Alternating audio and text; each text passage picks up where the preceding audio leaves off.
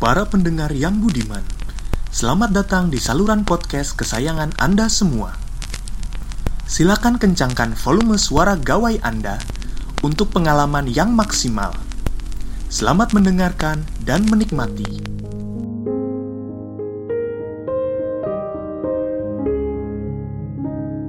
Halo, selamat pagi, siang, malam, kapan pun Anda mendengar podcast ini. Balik lagi di podcast membicarakan seni episode ke berapa ya? Ke-14 deh kayaknya. Uh, ini suasana tahun baru tuh di luar juga masih banyak suara kembang api padahal udah tanggal 1 ya. Tapi tetap mau tahun baru, udah tahun baru 2021, tetap kita masih di suasana pandemi ya, yang masih belum berakhir ini ya semoga semuanya sehat bahagia uh, di awal tahun ini uh, walaupun tahun baru ini juga beda sama tahun-tahun sebelumnya tapi kita bisa punya kesempatan lebih ya buat uh, kumpul sama orang-orang yang kita sayang ya sama keluarga sama teman-teman gitu. Walaupun nggak boleh berkerumun terlalu banyak. Nah sekarang ini karena tahun baru kita mau ngobrolin 2021 aja kali ya. Ya udahlah ya 2020 yang sudah berlalu biarlah berlalu jadi pelajaran tapi coba kita ngobrol-ngobrol tentang 2021. Nih sekarang gue nggak ngobrol sendirian, alhamdulillah. Ada yang mau gue ajak podcast, ada Dok Bayu. Halo Dok. Halo. Akhirnya nggak sendirian lagi ya buat ngisi podcastnya ya. iya biasanya kayak ngomong sendiri aja kayak penyiar radio. Ini ada Dokter Bayu dulu kenal di salah di kantor yang lama ya kantor yang lama. Kita tuh sekantor nggak sih jatuhnya? Iya di kantor yang lama. Satu kantor beda produk kali ya kalau sekarang. Di kantor yang sama. Walaupun hmm. gue juga sebenarnya ngerjain produk itu ya. Produk yang itulah pokoknya. Ya produk yang dikit-dikit kepegang lah dulu produk iya dikit-dikit kepegang. Nah dokter Bayu ini adalah seorang dokter ya jelas ya karena depannya dokter Uh, Pastilah. ini karena sebenarnya agak kurang nyambung sih. Gue kan bikin podcast ini podcast membicarakan seni, tapi kayak episode eh, episode-episode terakhir nih kayak karena di, sedang pandemi kegiatan seni juga nggak terlalu banyak yang bisa dibicarakan akhirnya ya udahlah nyerempet nyerempet dikit tapi nggak apa-apa kita bisa hubung-hubungkan lah dengan seni apa ya seni menjaga apa ya menurut lo gimana kalau menyambut 2021 seni apa tuh yang bisa yang bisa nyambung kita omongin? Oke. Okay.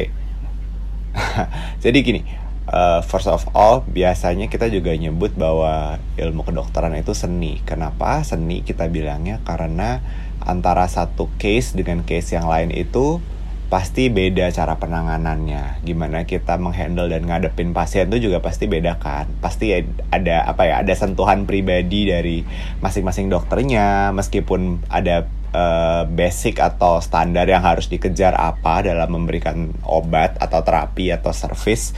Namun dari sentuhan pribadi masing-masing dokter dan berinteraksi dengan pasien yang beda-beda gayanya juga itu juga kita selalu bilangnya seni. Jadi mungkin dosisnya sama tapi gimana ngasihnya dan cara ngasihnya juga serta outcome yang akan balik dari pasiennya juga pasti beda-beda. That's why kita juga bilang oh ya ilmu kedokteran itu gabungan antara sains sama seninya. Biasanya gitu cuman kayak ya at the end of the day tetap aja harus banyakkan ilmunya sebelum kita bisa apply to the art side-nya kan. Menurut gue sih gitu. I see. Ya emang nih kan sekarang kayak ilmu kedokteran nih karena memang kondisinya lagi pandemi ya. Uh, Terlepas karena pandemi ini ya orang-orang juga mulai gue ngeliatnya sih kayak melek gitu soal uh, apa ya apa itu virus lah. Terus uh, artinya orang-orang sekarang lebih bisa appreciate bahwa tenaga bahwa kesehatan dan apa uh, ya kesehatan diri kesehatan apa masyarakat itu sama pentingnya dengan hal-hal lain gitu kan. Kalau lu ngelihatnya gimana? Khususnya nih kita mau masuk eh, apa masuk 2021 dan apa sih hal-hal yang harus diperhatikan seni apa yang harus dilakukan dan di apa ya di, jadi concern bagi semuanya oke okay. um, gini semula mungkin kita mikir 2021 akan jadi wah sebuah era yang baru gitu ya dengan berbagai perkembangan teknologi lah dan lain sebagainya gitu tapi dulu pas awal-awal pandemi itu ada postingan-postingan yang nadanya uh, ironis bahwa it's already 2020 bahkan sekarang udah 2021 kita masih ngajarin orang how to wash hands ya nggak sih? Karena balik lagi ke basic awalnya bahwa kita harus menjaga kesehatan dan itu dimulainya dari diri kita sendiri kayak gitu. Dan uh, bener juga sih kayak yang tadi uh, lo bilang bahwa sekarang orang-orang dipaksa untuk beradaptasi kemudian um, kalau bisa handle segala sesuatunya sendiri dikerjain sendiri kemudian yang biasanya tetap muka atau langsung jadi virtual dan mungkin juga uh, dengan kondisi-kondisi kayak gini justru bikin orang jadi banyak berinovasi kan banyak banyak effort juga nih yang harus dilakukan juga buat beradaptasi. Nah uh, selain kita jaga kesehatan yang udah wajib banget supaya daya tahan tubuh kita tetap oke okay, biar nggak terpapar infeksi virus COVID-19 maupun penyakit lainnya of course tapi kita juga harus uh, ketahui nih gimana caranya sih seninya untuk bisa uh, punya penguasaan diri. Kita bisa uh, beradaptasi dengan lebih baik dengan lebih wise. Namun juga tetap kita uh, bisa menjalankan fungsi kita as a human being dalam hidup sehari-hari. Itu sih menurut gue yang penting juga buat seni. Bukan berarti seni yang lain nggak penting ya. Seni itu sumber inspirasi buat banyak orang of course gitu. Cuman mungkin in my capacity as a doctor jadinya uh, seni yang akan gue angkat adalah yang seperti ini kayak gitu. Dari dari perspektif uh, scientific gue gitu. Iya iya. Tadi menarik ada uh, ada uh, apa namanya uh, tadi kan kita apa ngomongin gimana orang sekarang udah harus diajarin lagi menja apa men mulai cuci tangan lagi menjaga kesehatan diri. Tapi ya tadi ada satu yang uh, apa kesehatan kesehatan yang tidak fisik gitu kesehatan mental tuh kan juga sebenarnya penting ya apalagi uh, di 2020 kemarin gitu kan dengan ada pandemi orang tuh kayak kaget semuanya uh, harus di rumah nggak bisa ketemu orang yang biasanya ketemu tiap hari ke kantor sekarang harus kerja di rumah terus eh, nggak uh, bisa ketemu teman-teman uh, malah yang buruk-buruknya tuh uh, apa orang bisa di istilahnya diberhentikan dari pekerjaannya gitu kan dan akhirnya itu bisa uh, apa berdampak pada kesehatan mentalnya. Nah itu uh, apa sih yang harus sebenarnya dilakukan gitu? Oke, kalau yang harus kita lakukan, mungkin sebetulnya masing-masing orang beradaptasi dengan pace-nya sendiri-sendiri dan juga ada certain method yang berbeda dari satu orang dengan orang yang lain gitu. Cuman biasanya kita uh, ad advice-nya nih biasanya kita nganjurkan itu adalah kita punya uh, coping mechanism yang sehat atau mekanisme coping istilahnya. Jadi kita apa ya uh, membuat diri kita lebih mampu untuk bisa menghadapi uh, berbagai situasi dan kondisi yang sering kali nggak terduga atau berada di luar dari uh, kemampuan kita untuk mengendalikannya seperti itu. Tujuannya itu adalah supaya kita mengalihkan fokus dari hal-hal yang bikin kita overthink, bikin kita takut, bikin kita cemas. Nah, hal-hal itu kita alihkan ke suatu titik fokus tertentu dalam suatu scope atau dalam suatu lingkup di mana kita memegang kendali penuh akan hal itu. Gitu sih biasanya. Itu salah satu seninya. Mungkin semua orang tanpa menyadari juga sudah mempraktikkan itu, tapi mungkin ada juga yang perlu uh, apa ya bukan dibantu mungkin di, di ditunjukin di, dibimbing juga barangkali untuk bisa menemukan oh ternyata ada loh cara mekanisme coping kita yang sehat yang lebih bermanfaat nggak cuma kita hilang stresnya namun juga bisa membawa uh, more positive outcome di kemudian hari kayak gitu. Kayak ngejalanin hobi-hobi baru gitu ya? Apa uh, untuk apa istilahnya itu tadi benar mengalihkan dari apa depresi terhadap apa yang dihadapi gitu kan sebenarnya. Betul. Basically coping mechanism itu uh, salah satu fungsi adalah kita mengembalikan diri kita ke pos ke kondisi conscious atau sadar atau being mindful terhadap apa yang lagi kita kerjakan. Karena sering kali uh, apa namanya uh, rasa cemas bahkan sampai mengarah ke gejala-gejala klinis dari berbagai mental illness itu karena apa namanya uh, salah satu masalahnya adalah kita bisa jadi nggak fokus karena kita menge mengembalikan itu ke apa ya ke dalam track yang benar ke dalam satu hal yang memang truly bisa kita kendalikan supaya apa? Supaya gejalanya nggak bertambah berat atau mungkin kita justru bisa beradaptasi dengan ide dan energi baru yang sudah difokuskan ke titik tersebut gitu. Dan salah satunya benar tadi apa yang lo bilang tuh kayak exploring new ideas yang require kita untuk benar-benar hear and present uh, our being gitu, baik secara fisik dan juga uh, pikiran perasaan kita gitu. Itu yang membantu kita fokus dan bisa bikin kita lebih apa ya, lebih ngerasa ringan dalam menjalani hidup dan tidak lagi selalu terbebani dengan ide-ide yang apa ya menakutkan atau bikin kita cemas maupun depres.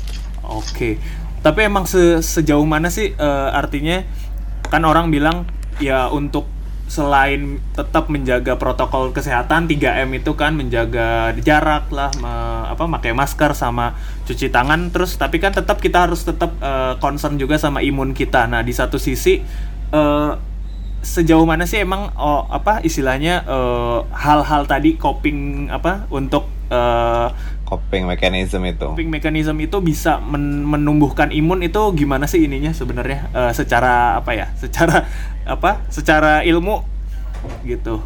Oke. Okay. Apakah memang perasaan bahagia, perasaan apa? Enjoy lah atau segala macam itu emang berdampak se sesignifikan itukah pada imun gitu. Oke. Okay. Mm -mm.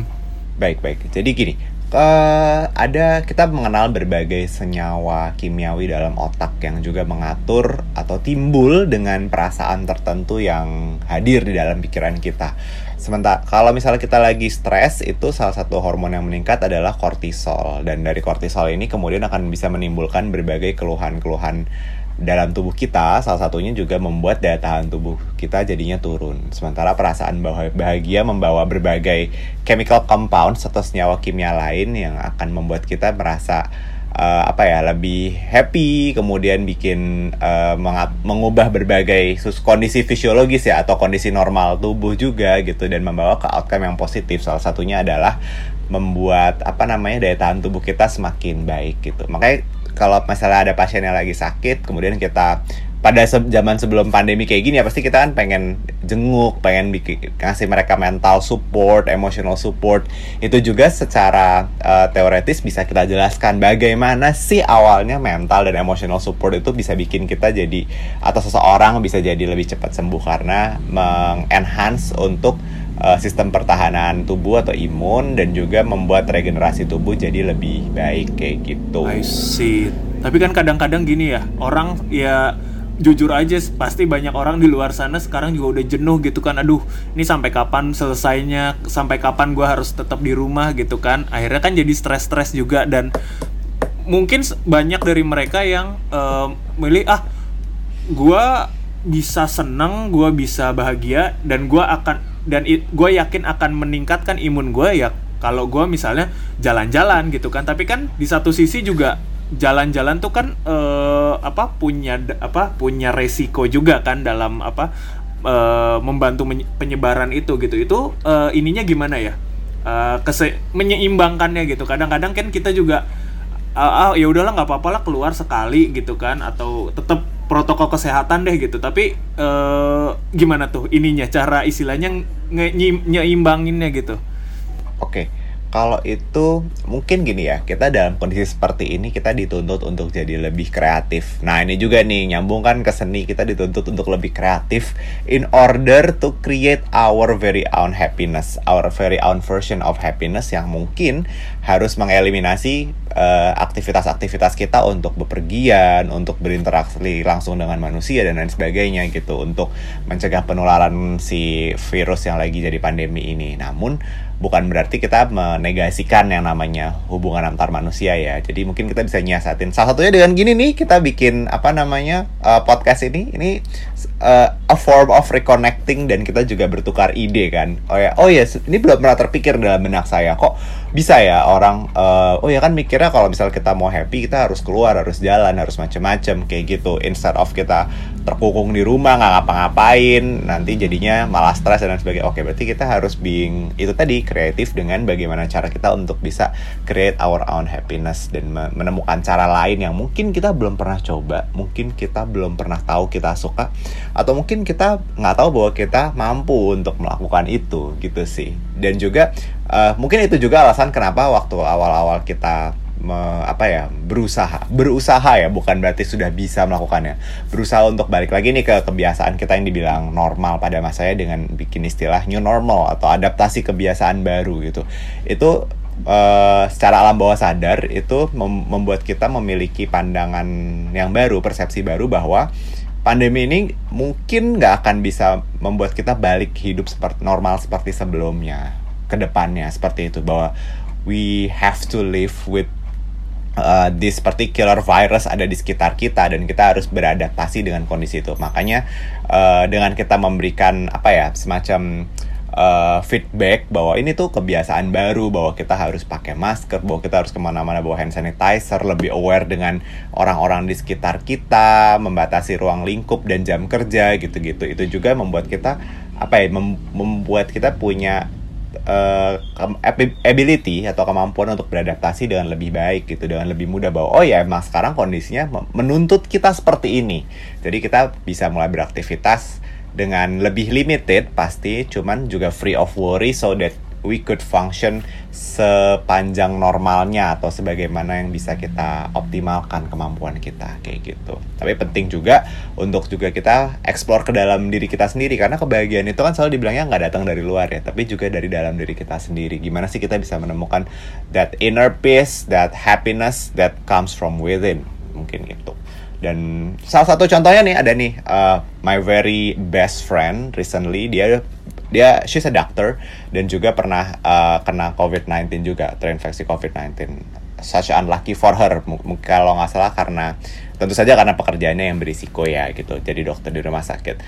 Uh, but lucky for her uh, setelah dia sembuh dinyatakan sembuh total uh, dan dia bisa menemukan kesenangan baru dari hidupnya dia yang sekarang jadi bener-bener wah orang paling ya orang yang paling uh, taat patuh dan juga melaksanakan protokol kesehatan dengan uh, sangat ketat di rumahnya gitu. Sampai akhirnya dia menemukan hobi barunya untuk masak.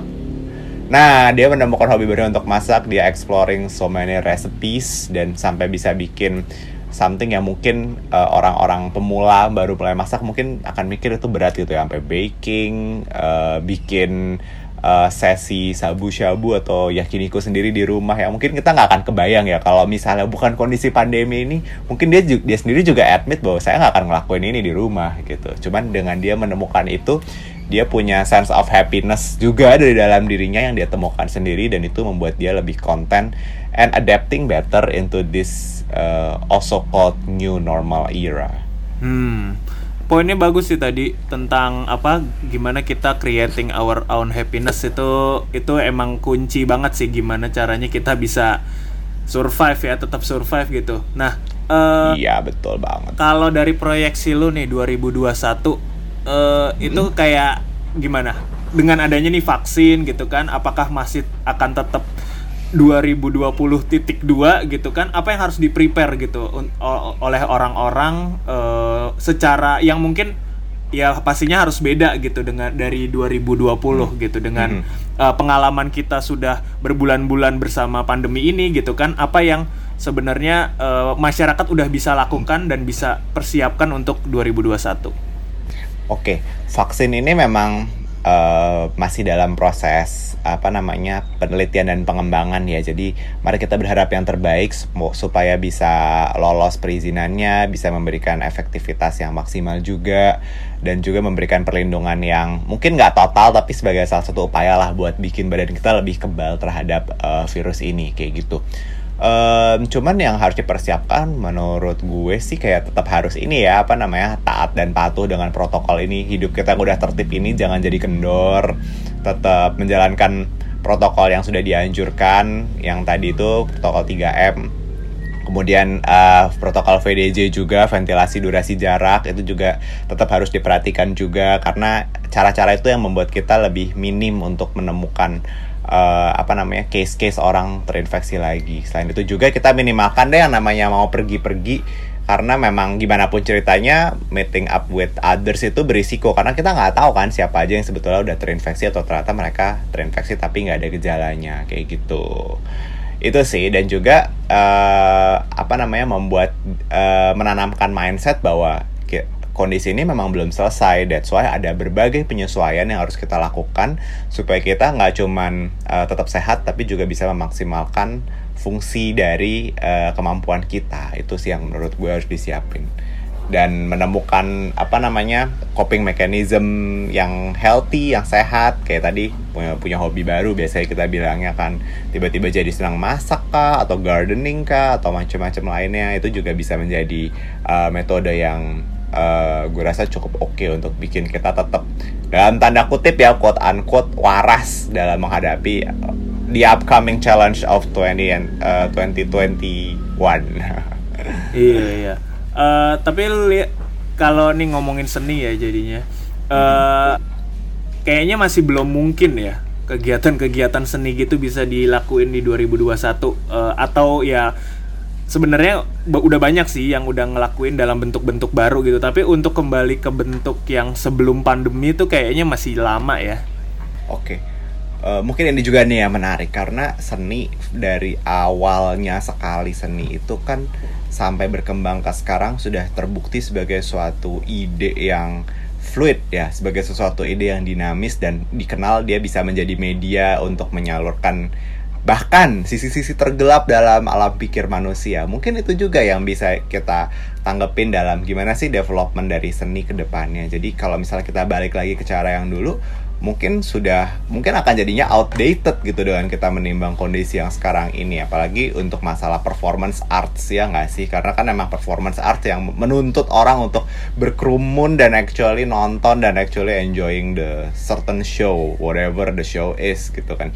Maka mungkin kita harus menyajikannya dalam bentuk-bentuk yang baru dengan berbagai media baru gitu. Dengan let's say waktu itu saya pernah attend konser yang virtual juga sampai ada konser musik yang sebelumnya sangat terkenal dari Jakarta pindah Bali pindah Jakarta lagi eh ternyata jadinya sekarang virtual kan daring nah itu juga salah satu bentuk bagaimana seni bisa beradaptasi dan tetap datang dengan apa ya dengan berbagai form dengan berbagai bentuk yang tidak hanya bisa apa namanya perform saja namun juga bisa dinikmati oleh siapa pun di luar sana yang menjadi penikmat seni seperti itu.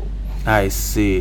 Ini kan lu bisa ini nih sebenarnya lu kan bisa kayak ngeliat-ngeliat gitu nih, ngeliat-ngeliat 2020 2021 proyeksi lu gimana sih 2021 tuh uh, apa ya? Ya dari segi klinik-klinik itu gua nggak ngerti apa dari segi apa. itu menurut lu gimana? Hmm. 2021 terus terang akan jadi tahun yang tetap tough sih. Cuman 2021 itu akan jadi semacam a year of awakening di mana orang-orang yang aware tuh akan jadi lebih banyak. Orang-orang yang akan lebih apa ya uh, mindful itu juga akan lebih banyak dan juga lebih wise dalam menempatkan diri maupun dalam mengambil keputusan. Yang semula mungkin banyak orang uh, apa ya mengalami berbagai hal yang kurang menyenangkan dalam hidup mereka karena mereka sudah punya plan yang berbeda kan di awal tahun dan ketika mulai menghadapi dan and then the uh, pandemic happens dan semua itu harus shifting menjadi sesuatu yang uh, bisa jadi berbeda sama sekali atau enggak bahkan uh, canceling all the ideas yang kita sudah punya mungkin kayak gitu. Sekarang kita kan udah tahu nih oh ya baseline-nya kayak gini gitu. Dan, kita bisa set up expectation dengan uh, certain boundaries nih udah ada. Nah itu juga yang membantu kita untuk bisa membuat uh, apa ya men-set ekspektasi yang lebih make sense dengan kondisi sekarang ini. So that ketika perkembangan di depannya ternyata semakin baik dan kita bisa beradaptasi dengan baik juga dengan kondisi yang baru itu, maka kita niscaya akan lebih positif si outcome yang dihasilkan kayak gitu. Tapi ya, uh, jadi kita uh, harus aware juga nih bahwa kita fighting itu nggak cuman ke diri kita sendiri, dan juga apa namanya nggak cuman fighting sorry fighting itu nggak cuman ke orang lain di luar namun juga ke diri kita sendiri. Dan juga uh, selalu ada tindakan ada apa ya ada perilaku yang kita harus menyesuaikan lah atau kita harus mengorbankan something in order to apa namanya get the best of things. Sama kan kita mau usaha juga pasti ada modal yang harus dikerjain kan dan kita harus bertindak kita harus melakukan sesuatu to get things done dan actually gain something from it. Nah mungkin kurang lebih sama kayak gitu. Jadi sebenarnya 2020 nih cukup membekali orang-orang untuk lebih istilahnya ya walaupun tahunnya masih berat tapi orang-orang lebih siap lah ya dan artinya uh, bisa lebih bisa menghadapi tantangan di 2021 gitu ya. Yes, betul. Karena tantangan di 2021 sangat berbeda dengan apa yang kita rasakan ketika pindah dari 19 ke 20 ya tentu saja gitu. Dan dengan kita menset apa namanya ekspektasi yang lebih realistis dan kita bisa adapt dengan baik pada kondisi itu so that any positive progress ke depannya be it vaccine be it kita tiba-tiba mungkin one thing less to another kita bisa kebal dengan kondisi itu maka kita akan ngerasa everything uh, berjalan ke arah yang jauh lebih positif ke arah yang lebih baik juga dengan outcome yang positif pula. Mungkin lebih ke arah kayak gitu sih. Tapi tetap aja jangan berarti itu membuat kita lengah dan uh, gue tidak menjanjikan something good will come real soon gitu karena kan banyak orang yang bilang kan oh udah vaksin udah kok kelar bah mungkin gitu tapi ya kita nggak buat tetap lengah karena aside from COVID-19 there are plenty of another disease kan yang kita juga nggak tahu kena atau enggak gitu jadi jangan sampai terus kita mengabaikan berbagai uh, kondisi kesehatan yang lain yang mungkin terjadi. Yang gue masih penasaran sih, tapi mungkin lo bisa jawab singkat aja sebenarnya herd immunity itu mungkin dilakukan kah uh, dan se apa ya? Or secepat apa sih herd immunity itu bisa terbangun dan apa uh, kayak gimana sih sebenarnya herd immunity itu? Oke, okay. herd immunity ini kan uh, penjelasannya mungkin sama kayak yang pernah di highlight sebelumnya. What kind of thing sih herd immunity? Jadi herd immunity adalah uh, kekebalan yang didapatkan oleh seseorang karena orang lain yang ada di sekitarnya dia sudah memiliki kekebalan dalam bentuk lain. Misalnya karena uh, imunisasi pemberian vaksin itu atau enggak karena pernah terjangkit infeksi sebelumnya. Misalnya kayak infeksi virus ini kan yang beberapa yang dulu pernah di highlight soal herd immunity adalah polio karena udah ada udah ada vaksinnya dan lain sebagainya dan ada orang yang nggak ada imunisasi. Karena orang di sekitarnya dia nggak ada yang sakit maka dia juga imun dia jadinya nggak sakit juga kan seperti itu. Herd immunity itu kondisinya kayak gitu. Uh, cuman Gini, dari seseorang diberikan vaksin sampai bisa terbentuk antibodi memerlukan waktu yang tidak sebentar. Berbagai literatur menyebutkan angka yang beda-beda tergantung jenis penyakitnya apa, jenis vaksinnya apa, atau mungkin bahkan brand vaksin apa yang dipakai gitu. Cuman uh, apa namanya? Mungkin boleh ditelah lebih lanjut nanti berapa lama, tapi ada yang literatur menyebutkan sekitar 30 hari untuk bisa bikin apa namanya? Uh, im imun tubuh kita terhadap certain disease. Dan juga uh, dengan vaksinasi itu pada berbagai beberapa jenis penyakit ada yang harus di booster atau diulang untuk kembali memperkuat daya tahan tubuh yang kita miliki kayak gitu. Jadi hanya one single shot itu tidak serta merta menyingkirkan kemungkinan kita akan terinfeksi virus ini kayak gitu. Itu sih yang disebut dengan herd immunity dan gimana sih kondisinya yang akan affect uh, orang-orang di sekitar kita dan juga diri kita sendiri tapi emang bener ya orang-orang yang survivor uh, COVID itu mereka secara ini imunnya udah udah mulai terbentuk gitu. Artinya imunnya udah udah mulai terbiasa dengan virus itu apa gimana tuh? Oke, okay. uh, eh, karena ini penyakit ini merupakan virus, jadi ketika seseorang sudah terinfeksi itu dan mereka sudah tidak lagi menunjukkan gejala-gejala akut atau punya kemungkinan untuk menularkan di dalam tubuh mereka mereka sudah punya uh, apa namanya uh, senyawa kimia atau komponen dalam darah yang mem yang membuat mereka lebih kuat ketika menghadapi uh, reinfeksi atau paparan dari virus tersebut. Namun bukan berarti itu membuat mereka kebal 100% karena bisa jadi ketika dia terpapar dan dalam kondisi daya tahan tubuhnya yang kurang atau jumlah virus yang menginfeksi tubuhnya banyak, maka bisa timbul lagi, bisa flare lagi kondisi-kondisi itu. Kayak gitu. Kayak gitu. Jadi ketika udah sehat kayak bukan berarti kayak ah kita udah sehat udah kebal. Jadi kita boleh ke mana-mana apa nggak dengan mengabaikan apa yang sudah dianjurkan. Eh, enggak ya enggak kayak gitu. Itu namanya kita ini suicide mission dong.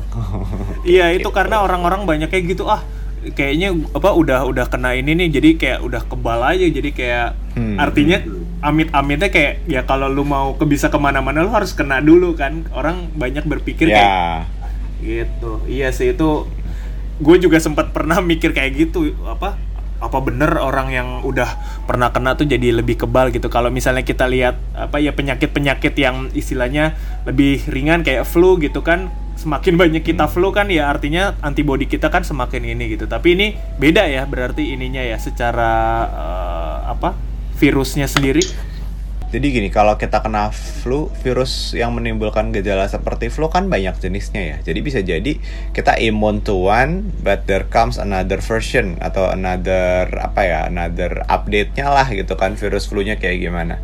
Mungkin kayak gitu gitu.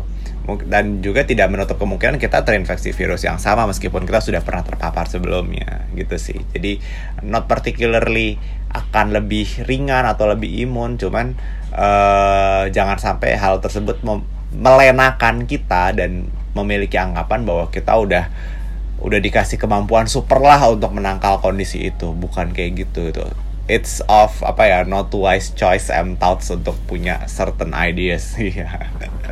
I see, I see. Tapi kan sebenarnya kalau gue lihat virus ya artinya pandemi eh, apa persebaran virus kayak gini kan sebenarnya udah maksudnya bukan hal baru ya kayak dulu ada flu apa flu burung, flu babi gitu kan. Eh, apa sih ininya sebenarnya? Kayaknya dulu kalau gua kalau gua ya ngeliat kayak ya udah flu burung, flu babi gitu, nggak se artinya nggak se ini sekarang gitu. Emang emang ini virusnya lebih advance ya dari yang flu babi sama flu burung dulu itu ya? Ya oke, kalau misalnya ini ini ada berbagai eh, pendapat sih yang menyebutkan kenapa sih kok ini bisa lebih lebih eh, cepat persebarannya dan lain sebagainya. Jadi virus itu kan kalau menularkan ke orang lain itu ada berbagai apa ya, ada berbagai faktor yang ikut mempengaruhi kan. Jadi ada faktor dari hostnya, dari orang yang akan terinfeksinya, tempat berkembang biaknya virus, jumlahnya, dan juga ada port atau tempat masuk dari virus itu. Nah, upaya kita eh, salah satunya kan dengan mencegah supaya kita nggak terpapar. Kalau orang imunnya sehat, maka virusnya akan jadinya lebih sedikit, dan juga eh, apa namanya menjaga daya tahan tubuh kita juga tetap baik kan kayak gitu kan yang dikerjakan. Nah, sementara virus ini mungkin dengan jumlah yang sedikit saja atau dengan cara penebaran di udara melalui eh, mikro droplets itu yang kecil sekali dari partikel di udara juga bisa menjadi eh, bahan penularan kan. Nah, makanya lebih sulit untuk dieliminasi atau diperkecil kemungkinannya seseorang terpapar dan terinfeksi dari virus ini. Dan juga kan sekarang ada faktor mobilitas manusia jadi lebih mudah, kemudian mungkin ada perubahan dari iklim da- atau enggak mungkin seperti yang tadi udah lo sebutin juga bahwa virus ini lebih advance gitu kan udah updated version yang kesekian gitu.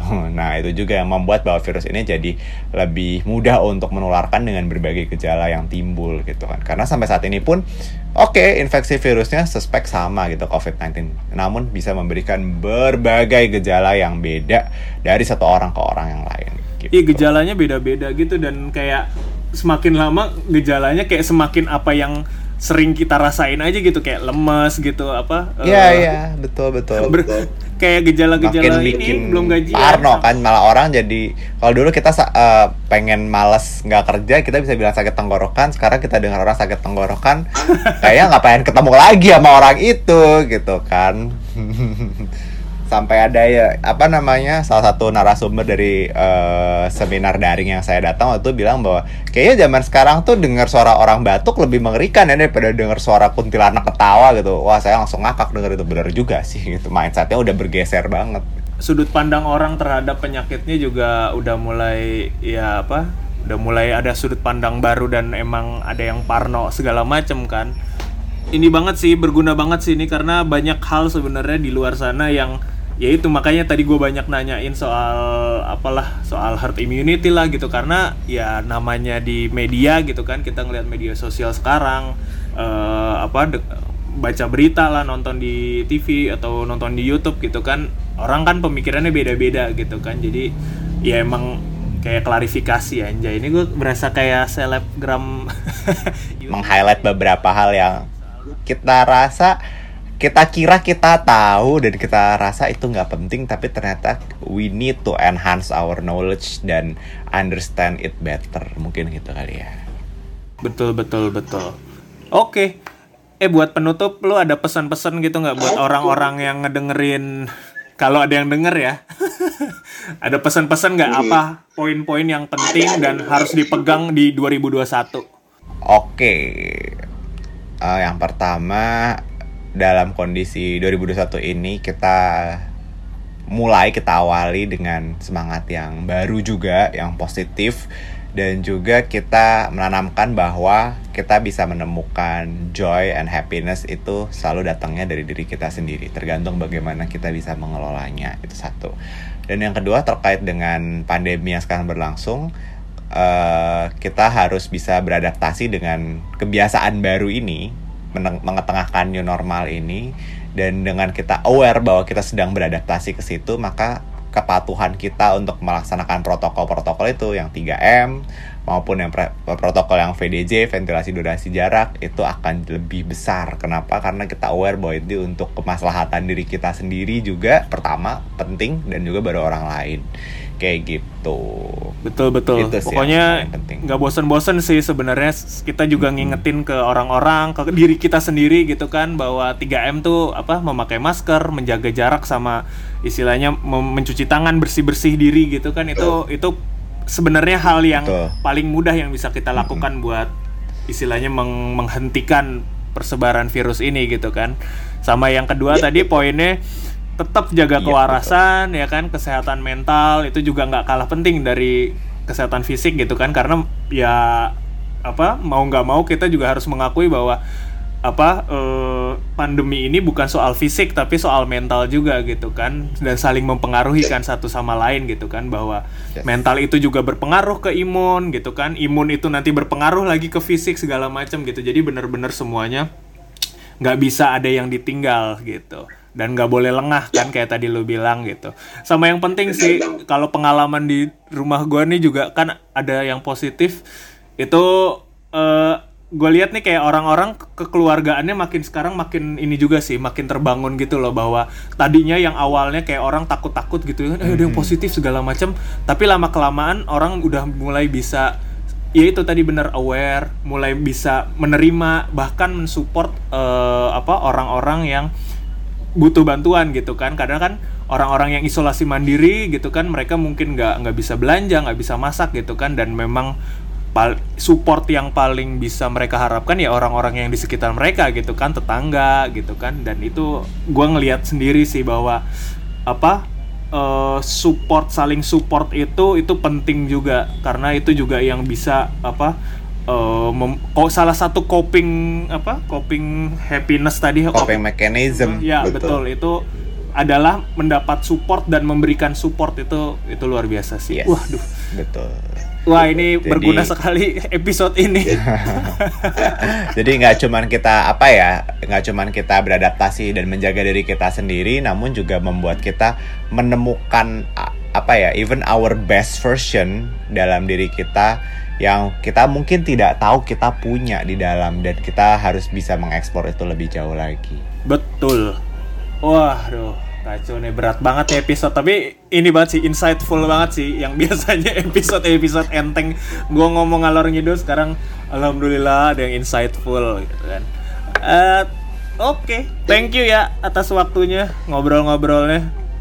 Wah, ini Sama-sama, terima kasih sudah diundang untuk ngisi membicarakan seni dan again dengan saya diundang di sini, in my opinion, bikin kita juga aware bahwa seni it's not always things you could see in a museum, in a gallery, atau enggak a certain show that you would attend, tapi juga bagaimana kita mentreat diri kita sendiri and becoming our better, even our best version of ourselves. oke. Thank you atas waktunya, Dok. Sampai ketemu lagi buat Sama-sama. Buat sampai para ketemu. pendengar juga terima kasih. Sampai ketemu di episode selanjutnya di podcast membicarakan seni. Bye bye. Bye.